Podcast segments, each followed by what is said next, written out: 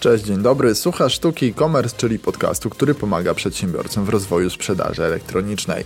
Z tej strony Marek Kich, kłaniam się nisko i dziękuję, że jesteś ze mną w 86. odcinku, w którym poznasz 30-letnią historię rozwoju polskiego producenta produktów skórzanych oczami drugiego pokolenia w rodzinie.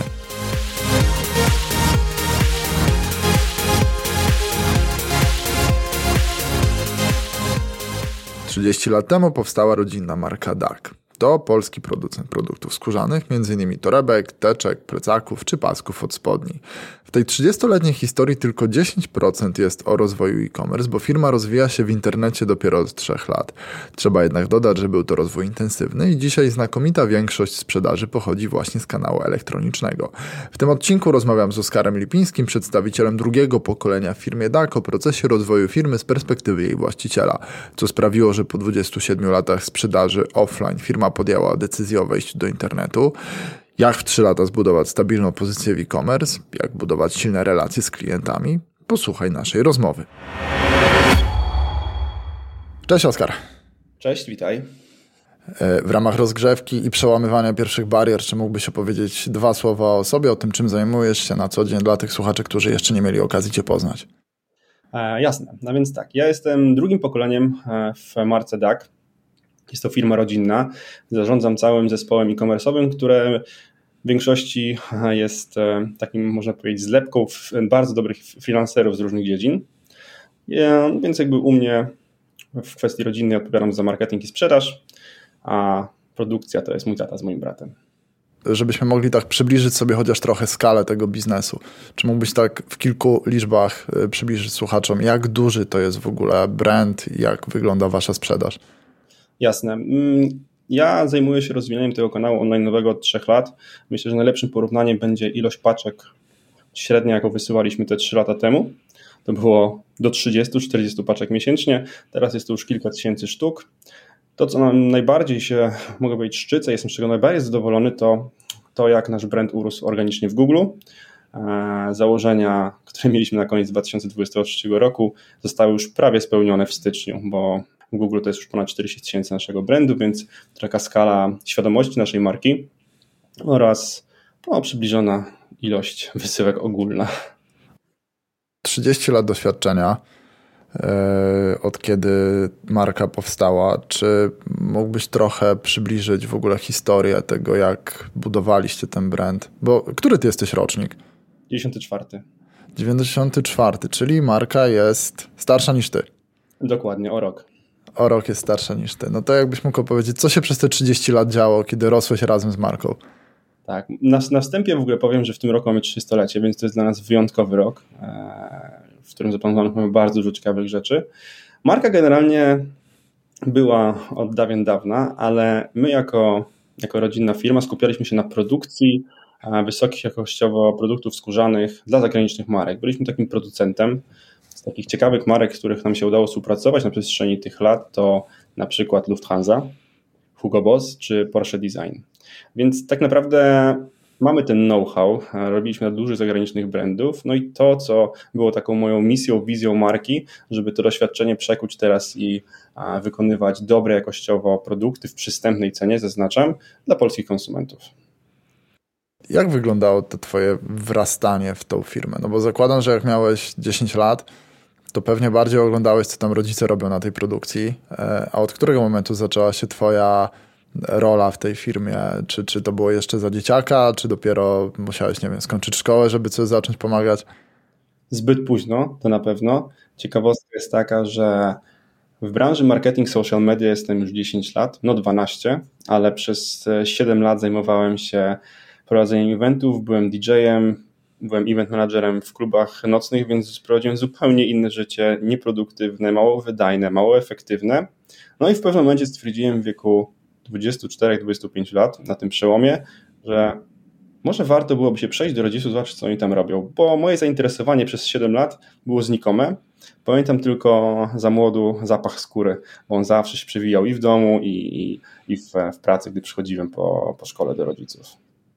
A jak w ogóle rodzice na to zareagowali? Oni byli zadowoleni, że ty chcesz pomóc, czy E, czy, czy oni w ogóle, bo zazwyczaj że rodzice no jednak jakoś tam projektują swoje oczekiwania na dzieci. U ciebie, zanim ty się zdecydowałeś w wieku 24 lat, to był wcześniej taki pressing, że może byś tak jednak na tą firmę spojrzał, czy, czy to było takie na luzie? Presji właśnie w ogóle nie było, więc e, mogłem wybrać sobie własną ścieżkę życiową, ale była presja na studia. Jak to wiemy, rodzice z moich roczników, znajomi wszyscy mówili, że muszę skończyć studia. Ja byłem wielkim przeciwnikiem tego, bo ja w wieku 15 lat już sam sobie działałem z różnymi biznesami eventowymi, a w ciekawostka w wieku 18 lat z kolegą z ławki z liceum otworzyliśmy klub w Lublinie, który swojego czasu był znany w całej Polsce.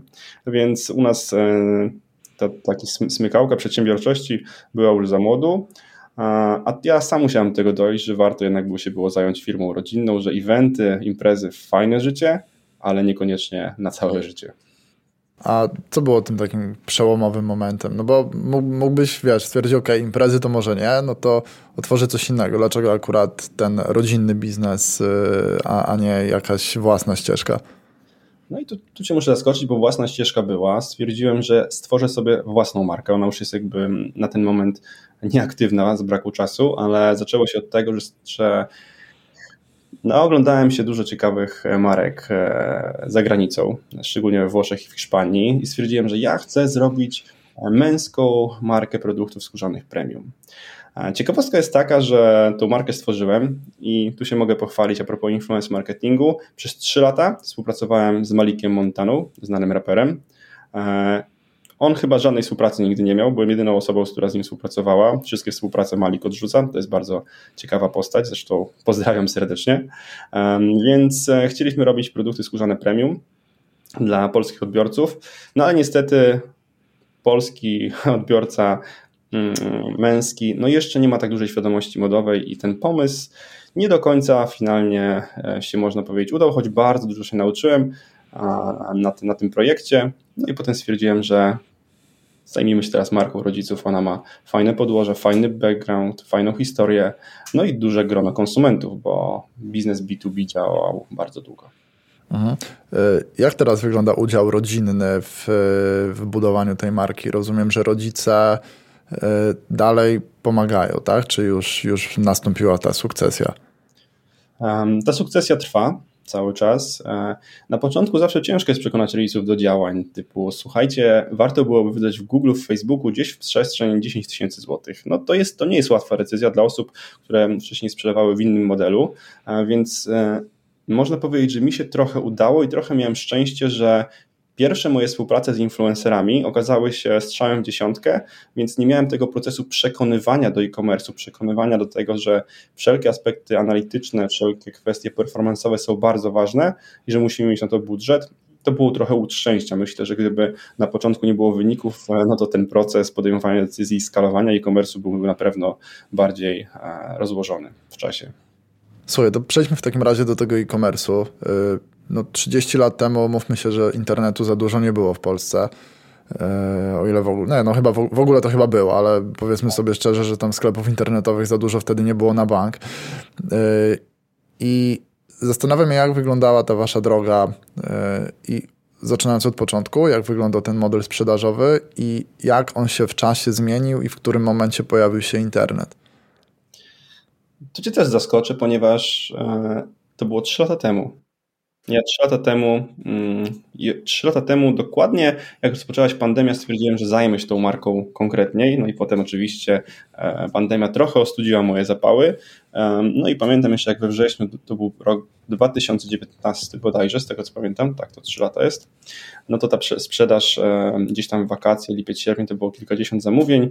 No i potem zacząłem się tym zajmować, zrobiliśmy fajne bardzo współpracę z influencerami i to był bardzo dynamiczny wzrost. Ja uważam wręcz, że ten e, wzrost jest zbyt bardzo dynamiczny, więc jakby ten rok 2023 e, jest takim rokiem optymalizacji, e, lekkiego rebrandingu, podkręcenia kwestii estetycznych, cały teraz front strony na przykład piszemy i idziemy bardziej w kwestie świadomościowe, brandingowe, bo ze sprzedażą na ten moment większego problemu nie mamy ciężko jest u nas kupić torebkę, tak bym to określił. Ty powiedziałeś, że zainteresowałeś się tym w okresie tym pandemicznym. Czy to oznacza, że pandemia była jednym z driverów, dla których, czy przez które weszliście w ten internet, czy to była suma innych czynników? to była suma innych czynników. Po prostu wiedziałem, że marka męska na ten moment nie zrobiłem dobrej analizy rynku, nie wiedziałem wtedy dokładnie też, że warto było ją zrobić, więc jeden projekt się skończył i stwierdziłem, że warto zająć się drugim. Pandemia pewnie trochę driverem była. Pamiętam e, nawet jak dziś, jak w pierwszym miesiącu pandemii stworzyłem naszą grupę Rodzina Tak. No i wysłałem tam newsletter do klientów, których było bardzo mało i dołączyło tam 15 osób. Był taki zachwyt, że teraz będę skupiał się na klientach, dawał im wartość, nie będę sprzedawał, no bo teraz nikt nie ma takich potrzeb konsumenckich. E, no i teraz e, dzisiaj patrząc na, na, na datę, mamy tam już 11 tysięcy osób i ta liczba cały czas wzrasta. Czy przez ten cały czas wasz model sprzedaży wyglądał tak samo? Bo teraz rozumiem, że jesteście marką, która dociera przede wszystkim do użytkownika końcowego. Tak to wynika z waszych komunikatów, e, aczkolwiek trochę też wspomniałeś o B2B i zastanawiam się, jak, jak to wyglądało wcześniej, jak to się zmieniło przez ten cały czas i, i jak też wpłynął na to internet. Poza współpracami, które powiedziałem, takimi stricte producenckimi dla zagranicznych marek, no DAC był dostępny w multibrandowych sklepach B2B w Polsce we wszelkiego rodzaju. Teraz jest to już naprawdę mikroprocent e, naszej sprzedaży i mm, docelowo będziemy chcieli sprzedawać tylko i wyłącznie kanałem własnego sklepu. E, myślę, że to jest też fajny moment, żeby powiedzieć trochę o tym, dlaczego nigdy nie wejdziemy na marketplace, a raz mhm. spróbowaliśmy wejść Amazona niemieckiego, bo wydawało nam się, że skoro znamy ten rynek, robimy dla zagranicznych marek, no to dlaczego byśmy mieli sprzedawać w Niemczech? No ale rzeczywistość okazała się inna i polegliśmy na Amazonie, głównie ze względu tego, że nasz produkt był zbyt dobry na Amazona, jakkolwiek to brzmi. Chodziło, po prostu nie byliśmy w stanie się przebić produktem, tam są jednak tańsze, tańsze produkty. No i po tej sytuacji stwierdziłem, Mieliśmy dużo propozycji maili z różnych znanych marketplace'ów fashion, ale ja nigdy nie będę chciał wejść na marketplace, bo uważam, że to nie buduje long-termowo takiej wartości, takiej relacji z klientem, no chyba, że komuś zależy na upełnieniu stanów magazynowych, szybkim cashflow, ale to jakby na ten moment nie jest nasz cel. A inny sposób wychodzenia za granicę bierzecie w ogóle pod uwagę? To jest temat, który się przewija ostatnio w moich dyskusjach i w moim mastermindzie.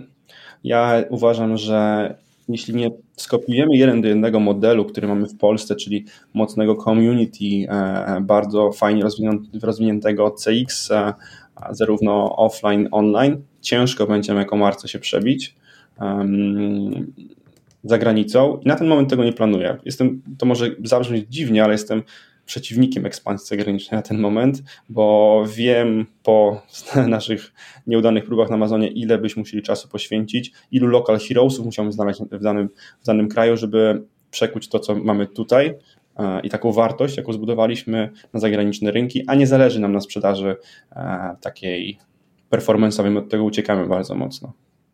Wiesz, to jest w ogóle fajny insight i gratuluję takiej jasności umysłu, bo najczęściej ta tendencja wygląda tak, że y, firmy podejmują decyzję idźmy na zachód, a później się zobaczy, co się wydarzy.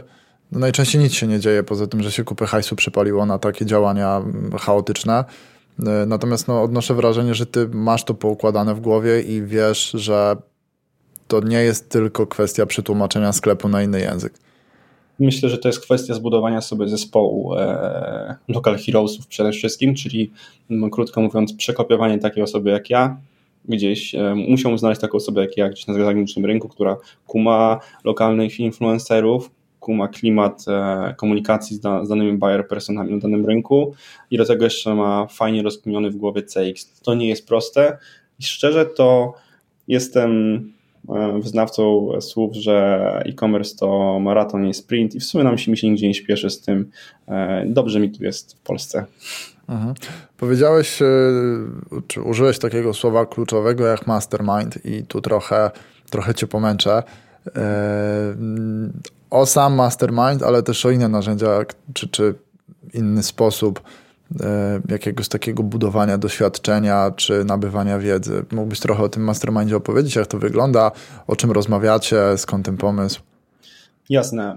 No, jestem wielkim wyznawcą e, i fanem Stanów Zjednoczonych i czerpania wiedzy tylko i wyłącznie z tego miejsca. Już, już, już od dawna e, nie jeżdżę prywatnie czy biznesowo na wszelkiego rodzaju konferencje. Nie, już nie czytałem żadnych książek komersowych polskich, w sensie wszystkie rzeczy, które u nas się dzieją, a czy to są na przykład teraz ciekawe rzeczy UX-owe na stronie, które wdrażamy z naszym deweloperem, to wszystko są pomysły ze Stanów mm, i idąc tą drogą stwierdziłem, że zrobię własny mastermind, bo to jest największa wartość. Dość długo szukałem ludzi do tego mastermindu. Ważne jest to w mastermindzie, żeby każdy w tym mastermindzie miał podobną problematykę, nie był dla siebie konkurencją, był na podobnym poziomie e-commerce'u, jeśli chodzi o rewę oraz o, o wiedzę i żeby jeśli ja na przykład uważam, że najważniejszą dla mnie wartością w tym roku jest budowanie brandu, to muszę szukać takich partnerów, którzy też wyznają tę zasadę, a nie są przykładowo resellerami. No i Mastermind w ogóle jest w przyszłym tygodniu, mamy drugie spotkanie, mamy bardzo fajną ekipę mm, i każdy się wzajemnie inspiruje, mamy cały na to framework, jak to działa. Mhm. A inne narzędzia, których używasz na co dzień? Jakieś takie haki, które byś polecił? No, mam kilka newsletterów pozapisywanych, e, na których jestem amerykańskich. Czasami biorę udział w konferencjach, takich jak AdWorld na przykład. E, I w sumie, ale w sumie teraz to powiem, że najwięcej mam chyba z rozmów z ludźmi. Teraz się mega, że tak powiem, jaram, bo taki mój największy benchmark polski, tego nie mogę powiedzieć kto. Mhm. Zgodzi się na jakiś mentoring, na jakieś rozmowy, więc więc raczej szukam już tak bardzo, bardzo sprecyzowanej tej wiedzy. Nie rozpraszam się na e-booki, na książki ogólne o wszystkim, tylko jakby jeśli dany temat dla mnie jest ciekawy, na przykład teraz e, mocno pracujemy nad całym programem lojalnościowym, budujemy go, no to szukam najlepszej osoby w Polsce i próbuję się do niej dokopać, że tak się wyrażę. No dobrze, słuchaj, no to wróćmy w takim razie do sklepu. Do, do ciebie jeszcze pewnie też trochę wrócimy, bo wiesz co, mnie to interesuje e, z punktu widzenia też trochę właściciela sklepu internetowego, czy, czy osoby, która się rozwija w digitalu, bo problemem na pewno na rynku jest to, że brakuje wiedzy, szczególnie takiej praktycznej. Jest dużo wiedzy, która wygląda na merytoryczną, ale tak naprawdę jest tylko jakąś tam formą reklamy własnych usług. No i trzeba uważać, co się czyta. E, I każda wskazówka, jak można chłonąć wiedzę i nie dać się przy tym e, kupić jakiejś firmie, czy nie, nie wydawać kasy nie tam, gdzie trzeba, no myślę, że jest dzisiaj w cenie, bo no mamy nadpodaż treści, ale nie jestem do końca przekonany, czy to jest treść warta jakiejś większej uwagi. Stąd, stąd tyle pytań.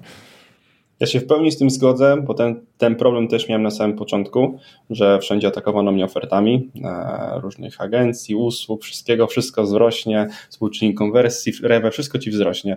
I mogę ci tak zdradzić, w sumie o tym jeszcze wcześniej mówiłem, że ja pracuję nad czymś, nie mogę powiedzieć w jakiej formie e, i, i ja chcę się podzielić tym swoim doświadczeniem, żeby właściciele sklepów, którzy faktycznie zaczynają, e, mieli taką treść merytoryczną, edukacyjną osoby, która przeszła tą drogę.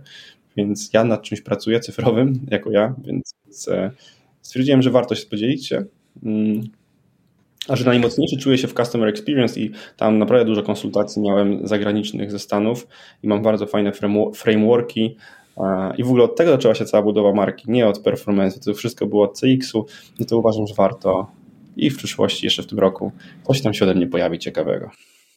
No dobra, no to przejdźmy w takim razie do tego budowania brandu, e, bo, bo tak, wydaje się, że sprzedaż produktów e, takich, jakie wy macie, no wymaga, czy, czyli no skóra, torebki, to, to wymaga jednak wejścia w głębszą interakcję z użytkownikiem, e, wymaga pewnie też tego, żeby użytkownik trochę Was pokochał jako markę. I za tym stoi szereg różnych działań, różnych kanałów na różnym etapie lejka marketingowego. Temat generalnie rzeka. Natomiast gdybyś mógł tak zesquizować te Wasze działania w jakąś taką zgrabną formę, w jaki sposób w ogóle budujecie relacje z użytkownikami? Jasne. Mm, u nas ten lejek jest Mm, kilkunastostykowy, więc ja mam bardzo szeroki lejek. Z ciekawostek, najdłuższy lejek, jaki mieliśmy, to był półroczny na daną kolekcję. Pół roku budowania e, świadomości, pożądania treści edukacyjnych, poradnikowych. To, co jest ważne i to, co jakby u nas wyznajemy od samego początku, to jest właśnie fajna strategia CX-owa.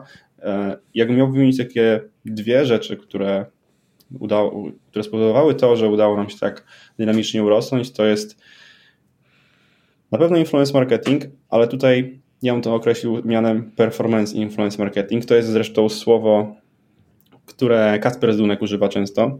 Ja z Kasperem się bardzo lubię i często się wymieniamy właśnie wiedzą na temat influence marketingu, czyli taki performance influence marketing to jest marketing influencerski, który jest mierzalny, sprzedawalny, który da się dobrze przeanalizować. To są współprace long-termowe, to nie są wysyłki produktów i kończymy, i kończymy działania.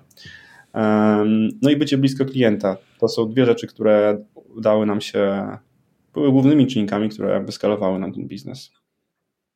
Jak to jest z tymi influencerami? No bo ja mam takie wrażenie, że tego jest tak dużo e, i, i z doświadczenia wiem, że skuteczność jest e, różna, no bo jeżeli masz influencera, który ma nie wiem, 100, 200 tysięcy followersów i on ma 50 story, gdzie tam jest raz wasz produkt, to to po prostu nie żre, a kosztuje kupę kasy.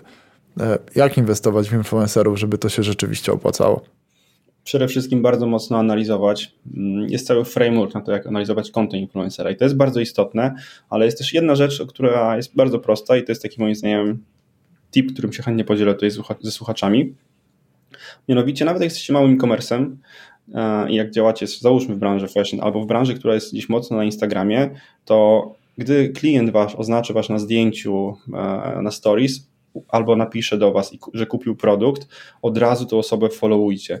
Nie followujcie influencerów, tylko followujcie osoby, które u Was kupiły produkty. Dzięki temu, po pierwsze, gdy będziecie chcieli już kiedyś współpracować z jakimś influencerem, jesteście w stanie po analizie dokładnej profilu zobaczyć, ile osób z Twoich klientów obserwuje daną osobę. To jest bardzo ważny współczynnik. To nam dało bardzo dużo w insightach influencerskich, no bo to, że ktoś jest w target grupie, że algorytm pokazuje, no to fajnie, ale pytanie, czy ta, ta buyer persona ma takie same zachowania, jak, nasz, jak nasi e, klienci stali już. Więc to jest pierwsza rzecz. E, druga natomiast rzecz z influencerami wyświetlenia zasięgi nie miał żadnego znaczenia. E, ja naprawdę współpracowałem z influencerami największymi w Polsce, które mają konta milionowe i współpracowałem z takimi, co mają konta 100-200 tysięcy i uwierz mi, ci influencerzy, którzy mają 100-200 tysięcy są w stanie sprzedać kilkukrotnie więcej niż te, co mają milionowe konta, bo to wszystko rozbija się o target grupę, zainteresowanie i jak taki lejek wygląda. E, nasze lejki influencerskie też są kilkunastostykowe, bardzo długie, ale co najważniejsze, one nie są w ogóle sprzedażowe. Sprzedaż gdzieś tam jest na samym końcu, już w finalnym etapie, ale to na samym początku to jest wartość, wartość, wiedza, wiedza, wartość. E, akurat dzisiaj, chwilę przed naszą rozmową, chwaliłeś się na LinkedInie e, akcją związaną z dropem e, i tam no, wspomniałeś, że trochę odchodzicie od tych influencerów. Czy mógłbyś trochę rozwinąć ten temat? To znaczy, w jakim kierunku idzie ta wasza współpraca z influencerami? Mm, nie do końca odchodzimy. E, może to wyjaśnię. My współpracujemy na stałe z kilkoma influencerami. W roku 2022 to było bodajże sześciu influencerów, z którymi robiliśmy wspólne produkty. E, to są współprace, które nawiązujemy, czyli jakby robimy takie kolabo z influencerem. W tym roku tych współprac już jest mniej, bo są to trzy współprace, ale stałe. Jeden z influencerów, dokładnie dwie dziewczyny, które zresztą pozdrawiam, Love and Great Shoes, współpracują z nami już trzy lata. Były z nami od samego początku i zrobiliśmy już sześć kolekcji i ka każda z nich się wyprzedaje. Aha. Więc e, określenie może, że odchodzimy, to nie, ale zmniejszamy trochę ilość influencerów z jednego względu, że my nie jesteśmy w stanie nadrobić z produkcją. W sensie e, to jest nasz największy problem. W sensie jak największym naszym problemem generalnie jest produkcja, która i tak jest największa e, z takich polskich marek, jeśli chodzi o zakład, e, największy w Polsce, no ale to jest nasz problem, no ale taki problem w sumie jest dość przyjemnym problemem, można powiedzieć. Słuchaj, to tak trochę podwłoście wezmę i zapytam, czy nie myśleliście o wyniesieniu produkcji na rynki wschodnie? Nie, bo jakość, a nie ilość. E, my nie mamy, ja nie mam potrzeby wewnętrznej i my rodzinnie sprzedawać więcej, My jesteśmy minimalistami, mamy takie podejście niekonsumowania, jesteśmy bardzo sustainable. E, zresztą nasz marketing też się opiera w dużej mierze na ekologii. Nawet e, jesteśmy nawet staramy się wykorzystywać całe płaty skóry, bo generalnie już taka techniczna uwaga, że 25% skóry podczas rozkroju jest, jest ścinkami. No ale my robimy z nich produkty zero waste, które są potem tańsze, jakieś portfeliki, bryloczki, więc nie widzę potrzeby sprzedawania więcej. I jakby nie rozumiem też takiego trendu trochę wewnętrznie, żeby skalować się, skalować, rosnąć. No fajnie, ale to po pierwsze nie idzie w trendach, e, jak, jak idzie społeczeństwo, czyli to nie jest sustainable, to nie jest ekologiczne, E, a my mamy podejście, że po prostu wolimy robić to, co robimy jest fajnie, my się z tego cieszymy, ale chcemy robić to jeszcze lepiej wizerunkowo i bardziej estetycznie, tak bym to określił. Jak rozmawialiśmy o budowaniu marki, to powiedziałeś o dwóch rzeczach. Jedna to działania marketingowe, też między innymi oparte o influencerów, a druga to strategia CX-owa. Czy mógłbyś podać parę przykładów e, tego waszego budowania customer experience, przez który później klient wraca albo was rekomenduje innym? Tak, jasne. Ja stwierdziłem, że podzielę się takimi dwoma typami, które każdy może wdrożyć od tu i teraz. E, I co ciekawe, ja jako e-commerce manager, dyrektor e-commerce, to można różnie to postrzegać, dalej je robię. Przede wszystkim, jeśli działacie na Instagramie, na Facebooku, na Pinterestie, e, na Pinterestie chyba akurat nie da, ale generalnie w social mediach, zawsze, ale to zawsze, jak macie nawet kilka zamówień dziennie, kilkanaście, na każdą wiadomość, którą klient napisze, odpowiadajcie najlepiej wideo lub głosowo. To buduje niesamowitą relację z klientem, gdy owner, który jest e, personal, personal taką marką własną w danej marce, um, odzywa się i pokazuje wideo, jakby zwraca 100% swojej uwagi w danym momencie tego klienta, to ten klient jest przeszczęśliwy. Już sam, był, sam jest, byłbym przeszczęśliwy, gdyby osoba, która gdzieś e, jestem zainteresowany tematem, sama się personalnie do mnie odezwała. To naprawdę dużo czasu nie, nie wymaga, a druga kwestia, że optymalizuje czas, bo jak odpisujecie, no to stracicie na tym czas, a to, a to jest proces, który jest prosty. Ja jadę załóżmy samochodem, no to wiadomo, że telefonu nie używam e, podczas jazdy, ale wideo nie nagram, ale jestem w stanie nagrać głosówkę. E, a na przykład jak siedzę przy biurku, mam, mam możliwość, no to nagrywam wtedy wideo, zawsze odpowiedź. To jest bardzo prosta rzecz, to nic nie kosztuje, to jest bezpłatne, a to buduje CX po prostu na inny poziom. Aha. Więc to jest rzecz, którą, którą robimy. No i, no i druga rzecz, którą polecam, zdecydowanie to jest grupa na Facebooku. To zależy od waszej target grupy, ale grupa na Facebooku jest niesamowitym miejscem, gdzie społeczność może budować, gdzie może nawiązywać między sobą relacje, gdzie po prostu dzieją się magiczne rzeczy, gdzie są wrzucane opinie klientek, klientki rozmawiają między sobą, wymieniają się uwagami. Taka grupa na Facebooku trochę działa jako taki zewnętrzny dział obsługi klienta. E, rozwiązuje problemy klienckie. Nasza grupa ma już 11 tysięcy osób domniemam, że do końca roku będzie około 20, tak jak patrząc na analizy. No i ja uwielbiam tą grupę. Ciekawostka jest taka, drugi tip, że Facebook kilka dni temu wprowadził czaty grupowe, czyli trochę działa jak Slack, trochę działa jak Circle i to też jest ciekawe. Utworzyliśmy taki czat dwa dni temu i w dwie godziny zapisało się na niego tysiąc osób e, i już nie ma miejsc. Więc w tej grupie można w ogóle tworzyć takie fajne społeczności fajne interakcje z ludźmi, ale to się wraca i tak finalnie do tego, że klient jest najważniejszy. Mhm. A jeżeli chodzi o jakieś kwestie personalizowania, marketingu, nie wiem, jakieś pakowanie produktów, zwracacie, znaczy nie, nie, nie, nie wierzę, że mi powiesz, że nie zwracacie na to uwagi, więc to złe pytanie. W jaki sposób zwracacie uwagę na takie detale? Przede wszystkim do każdego produktu zawsze są prezenty ale jakie to ci nie mogę powiedzieć, to zawsze się do, może dowiedzieć osoba, bo są różne. Czasami są to jakieś próbki e, produktów innych, czasami są produkty zero waste. Generalnie podsumowując tak kwestię CX-ową, unboxingową, relacji offline, online, ja uwielbiam dostawać prezenty i lubię być zaskakiwanym. Więc skoro ja to lubię, to stwierdziłem, że ja chcę to przekuć też w naszej marce. I naszym głównym celem jest zaskakiwanie klienta na każdym styku z naszą marką.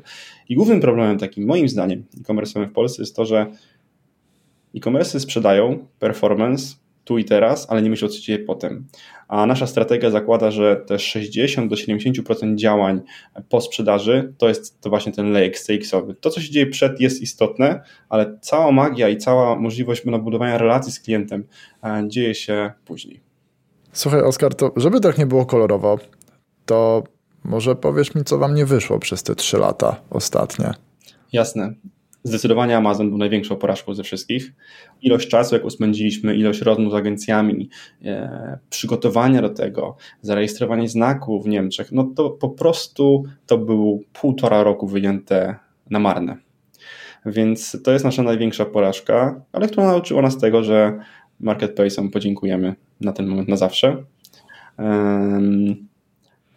I jakbym miał wskazać e, takie rzeczy, które nam jeszcze nie wyszły, no to na pewno też docieraliśmy kwestię komunikacji, spójności marki, która gdzieś, gdzieś na samym początku nie była najistotniejsza. Najistotniejsze było to budowanie relacji.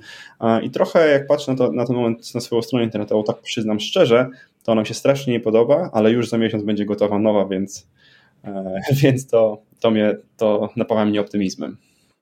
E, no to jak już mówimy trochę o przyszłości, to może zdradzisz w ogóle, jakie macie plany, no bo te ostatnie trzy lata wygląda na to, że były całkiem owocne, e, całkiem dużo rzeczy wam wyszło i no, napawa to optymizmem na przyszłość. E, zastanawiam się, co w takim razie za następne trzy lata się wydarzy z marką DAC. To jest bardzo dobre pytanie. Mm, gdybyś mnie spytał o to w listopadzie, to bym ci powiedział, że chcemy się skalować, sprzedawać więcej.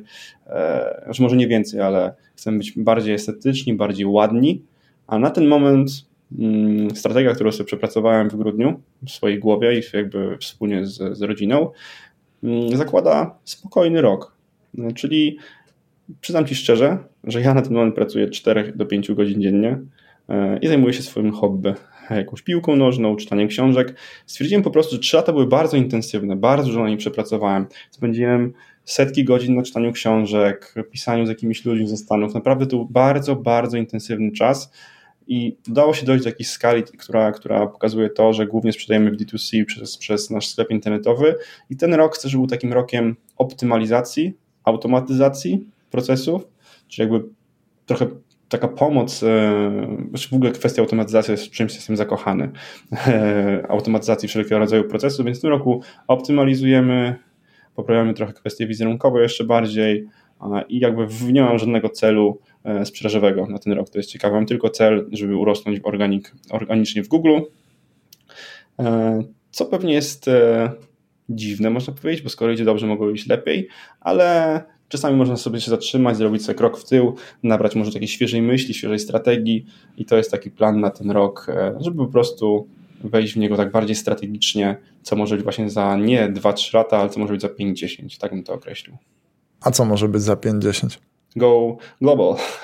Jak znajdziemy local heroesów i team zagraniczną, zagraniczną to, to myślę, że takim marzeniem moim jest to, żeby być go global i być takim fajną marką torebkową z Polski, która świat, która bryluje na światowych salonach. Mhm. Słuchaj, to jeszcze na sam koniec zapytam Cię o Twoją rolę w tej firmie. E, mówisz, że trochę zajęło Ci czasu e, pracowanie w, firmie rodzinnej i trochę godzin pochłonęło w tym roku. Rozumiem, że to będzie trochę mniej. Natomiast zastanawiam się e, z punktu widzenia osób, które mogłyby się znaleźć na Twoim stanowisku, czy też chciałyby się znaleźć na podobnym stanowisku, to jak wygląda w ogóle Twoja codzienność w tej firmie? E, dzisiaj i rok temu e, o tej samej porze. Rok temu na pewno zdecydowanie gorzej pod względem strategicznym zaplanowania dnia, choć już wtedy miałem dużo rzeczy ustabilizowanych. Teraz jestem wyznawcą tego, że mam każde 10 minut w ciągu dnia zaplanowane, przez co dużo, dużo krócej jestem w stanie pracować, bo Pracuję w trybach 6-12. Potem zaczynam takie dwie godziny przerwy, trzy czasami, no i może coś tam jeszcze sobie godzinkę, jakąś kola zrobię mm, około 15-16, ale to co zauważyłem to pracowanie w takich deep sesjach dwugodzinnych z rana, mm, takich dwóch dwugodzinnych sesjach jestem w stanie wykonać tyle samo rzeczy, ile robiłem wcześniej przez 8 e, w pełnym skupieniu, bez bodźców. E, tutaj pozdrawiam Adama Gospodarczyka, który właśnie napisał super książkę Codzienność na autopilocie dla posiadaczy iOS-a. To taka reklama, ale uważam, że ona naprawdę dużo pomaga. E, no i mam w pełni zautomatyzowany komputer i telefon, nie mam żadnych powiadomień, nie spędzam w ogóle czasu na socialach. E, no ta książka bardzo porządkuje dzień i potrafi z tego, co się robi przez 8 godzin, wycisnąć, żeby robić to 5 godzin i robić rzeczy, które są tu i teraz ważne i wedle metody 4DX, która która akurat e, w listopadzie przedstawił mi Paweł Pałka, e, no to właśnie według tej metody działam. Czyli zastanawiam się, co na ten moment albo na dany okres najważniejsze, a nie robię wszystko. Bo tak naprawdę impact i effort to są dwie najważniejsze rzeczy w ciągu dnia, uważam. E, no w sumie nawet o metodzie 4DX było chyba ze dwa odcinki temu, jak o, dobrze kojarzę, także tak. Ten sam Paweł prowadził ten odcinek ze mną, więc myślę, że warto, że, tak, pozdrawiamy Pawła. No, mega, mega wartościowa wiedza, mega wartościowe w ogóle podejście i takie, takie myślę skuteczne. E, a na jakie liczby ty zwracasz uwagę dzisiaj? To znaczy, jak wygląda ten twój dashboard, który pokazuje, czy możesz być zadowolony z firmy, czy nie możesz?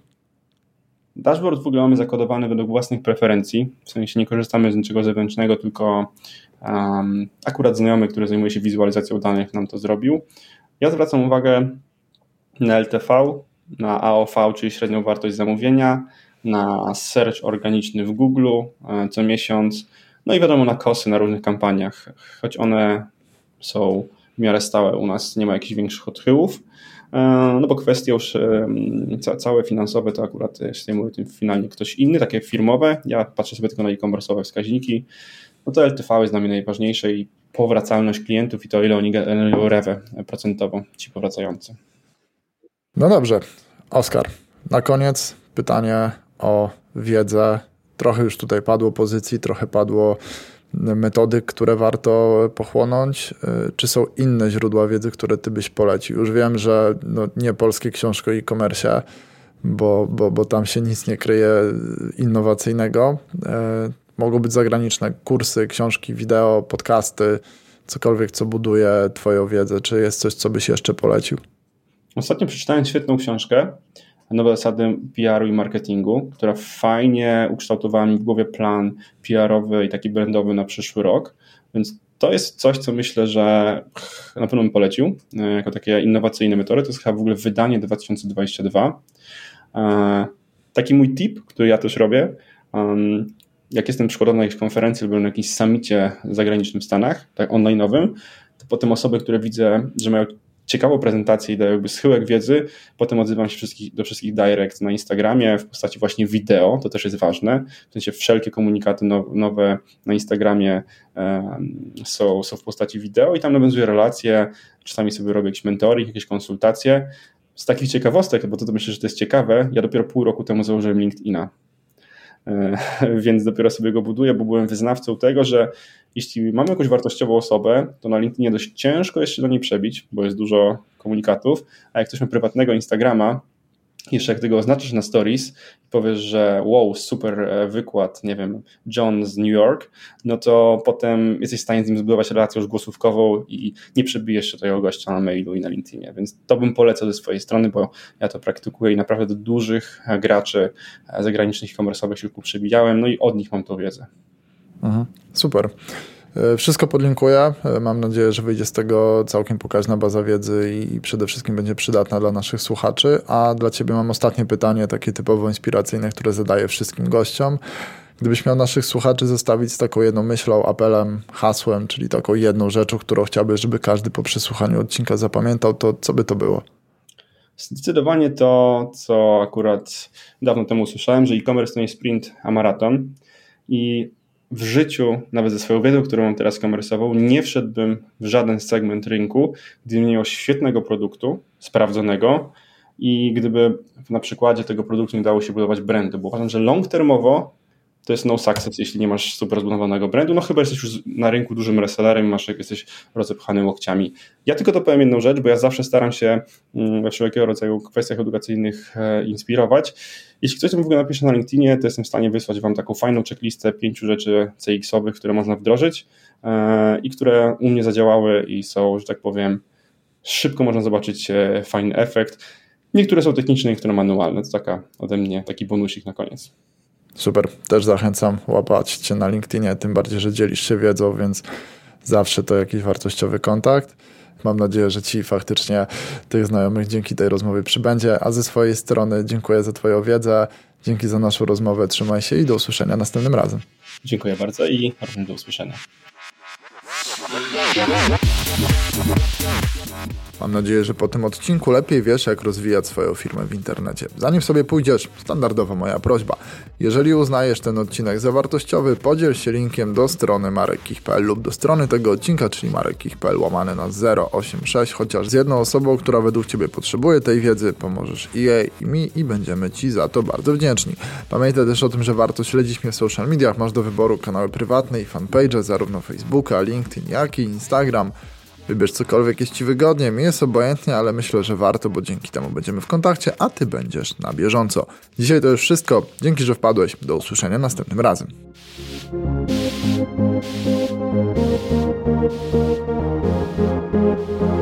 you.